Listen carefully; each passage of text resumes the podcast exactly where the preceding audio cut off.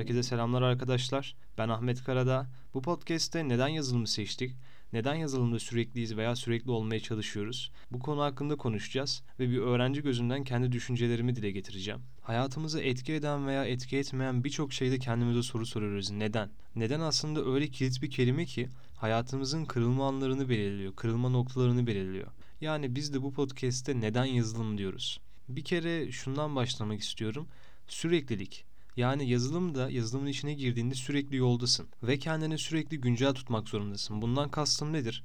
Mesela bir örnek verelim. Yani hemşireyi düşünelim. O mesela öğrendiği herhangi metodolojileri belki hayatının sonuna kadar uygulayabilecek. Ama sen bir kullandığın teknolojiyi belki de iki sene sonra kullanamıyorsun. Sürekli dokümante okumak zorundasın. Sürekli yeni çıkan teknolojilere mesela bir teknolojinin 3.0'ı vardı sonra 5.0'ı çıktı veya ondan önce 4.0 çıktı vesaire. Bunları hızlı bir şekilde adapte olup o teknolojileri öğrenmek zorundasın. Ve sen bundan dolayı sürekli yoldasın. Yani sürekli öğrenmek zorundasın. Aklıma şöyle bir şey geldi. Eski daire başkanının bir anısını anlatmıştı.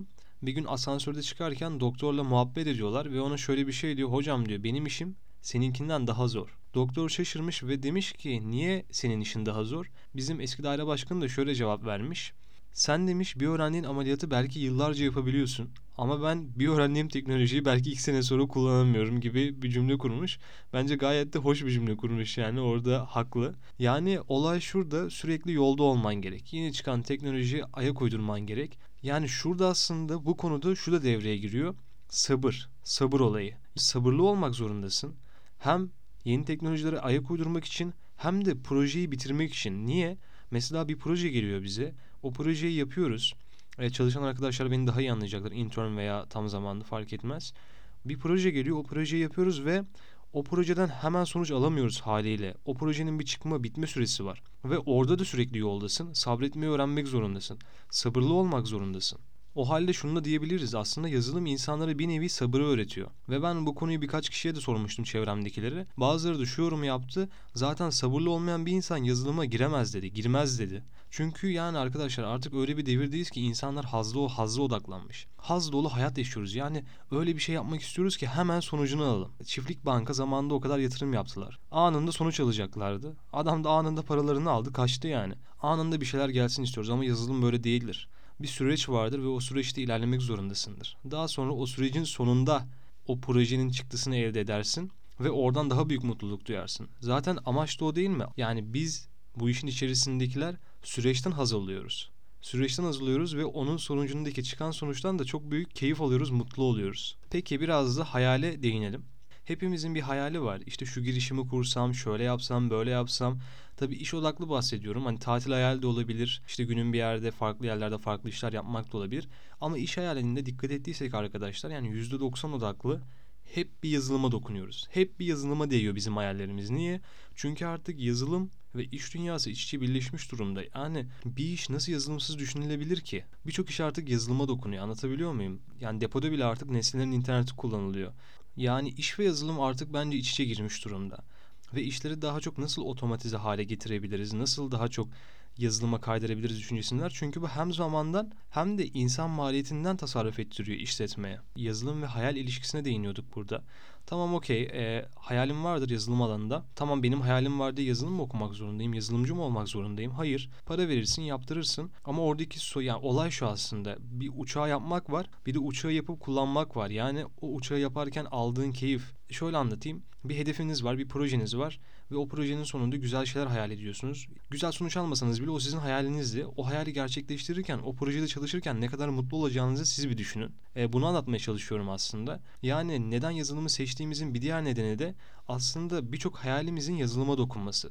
Bir diğer konuya gelecek olursak da diğer konuda yazılım ve torpil ilişkisi. Yazılımda ben torpilin olduğunda çok da inananlardan değilim açıkçası. Tabii bu konuda çok mu deneyimliyim? Hayır ben bir öğrenciyim. Tabii ki ee, bu konuda benim büyüklerim benden daha iyi bileceklerdir. Ama ben nacizane yorumumu getiriyorum. Farz edin ki torpil var yazılımda tamam mı? Ben Mehmet'i aldım. Hadi çok çevresi olan biri de olayım. Mehmet'i aldım bir yere koydum. Yerleştirdim torpille. Ne yapacak mesela Mehmet orada? Nasıl bir iş yükünün altına girip orada kendini ispat edebilecek?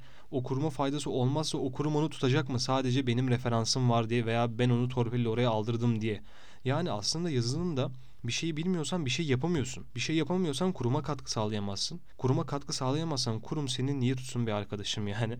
O yüzden yazılımda ben torpilin olduğuna inananlardan değilim. Çünkü torpil olsa bile o adam orada nasıl tutunacak?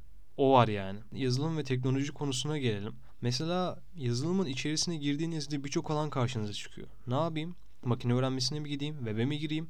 Mobile mi gireyim? Peki web'e girersem frontend'e mi gireyim, backend'e mi gireyim? Veya backend'e girersem backend'de hangi teknolojiyi seçeyim ve hangi teknolojide ilerleyeyim? Bu gibi sorular da kafada oluşabiliyor. Bu da çok güzel sorular. Yani aslında burada şunu sormak gerek kendimize. Biz öğrenciyken eğer ki en erken şekilde başlayıp birçok teknolojiyle göz gezdirirsek, birçok teknolojiyle uğraşırsak mesela weble biraz uğraştık, daha sonra geldik mobille uğraştık, daha sonra geldik ilginiz varsa eğer ki makine öğrenmesiyle uğraştık vesaire gibi şeyler yaparsak ne olur bu sefer? Hangi konudan zevk aldığını keşfedersin ve oraya yönelirsin. Ama şöyle olursa tabii biraz bu şey oluyor ne bileyim hani dördüncü sınıfa gelmişsin artık yeni yeni başlıyorsun. Ama bazıları için dördüncü sınıf hani yeni yeni bitirme noktaları bir şeyleri. Ne gibi mesela? Kendini keşfetme. Ben webde mi olsam, mobilde mi olsam? Bazıları o konuda seçmiş oluyor. Tabii hiçbir şey için geç değil yani. Hiçbir şey için pes etmemek lazım. İlerlemek lazım. Zararın neresinden dönersek kardır diyoruz. E, tabii konuşmamın başında şundan da bahsetmiştim. Ee, mesela bir kullandığın teknolojiyi iki sene sonra kullanamayabilirsin gibisinden. Ya peki aslında bu şunun için de geçerli. Mesela bir şirkettesin farklı bir şirkete geçiyorsun ama o şirket senin eski kullandığın teknolojiyi kullanmıyor da olabilir. Oraya aşina olmak zorundasın.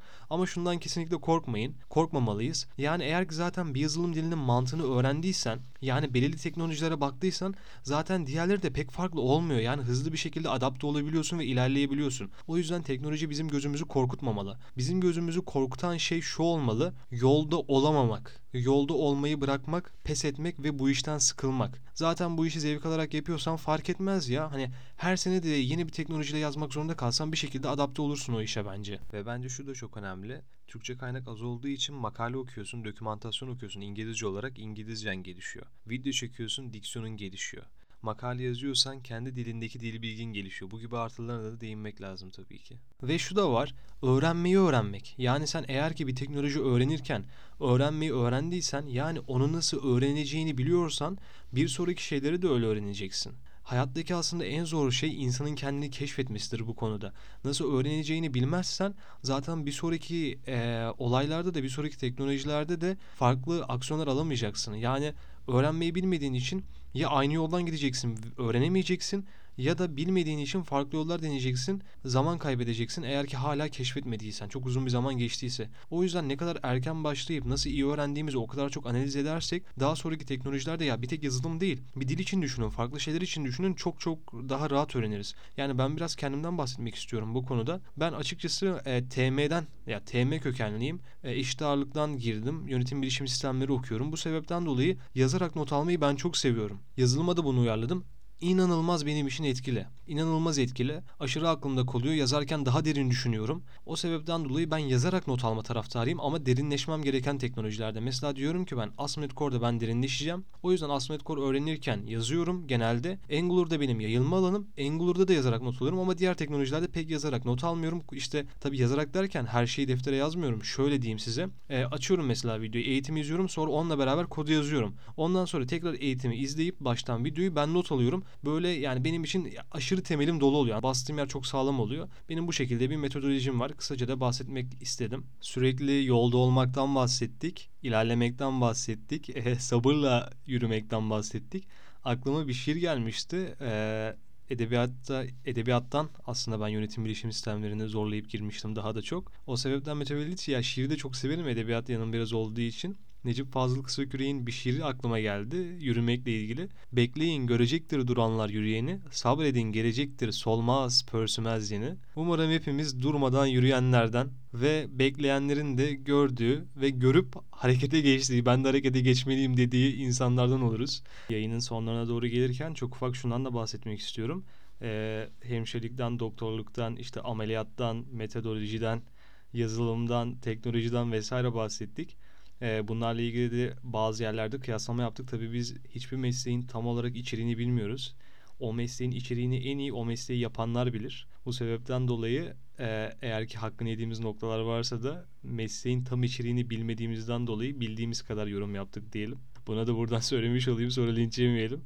Arkadaşlar beni dinlediğiniz için teşekkür ederim. Umarım faydalı bir podcast olmuştur.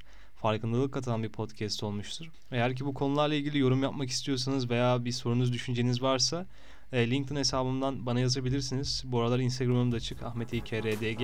Bir sonraki podcast'te görüşmek üzere. Güzel kalın, hoşçakalın.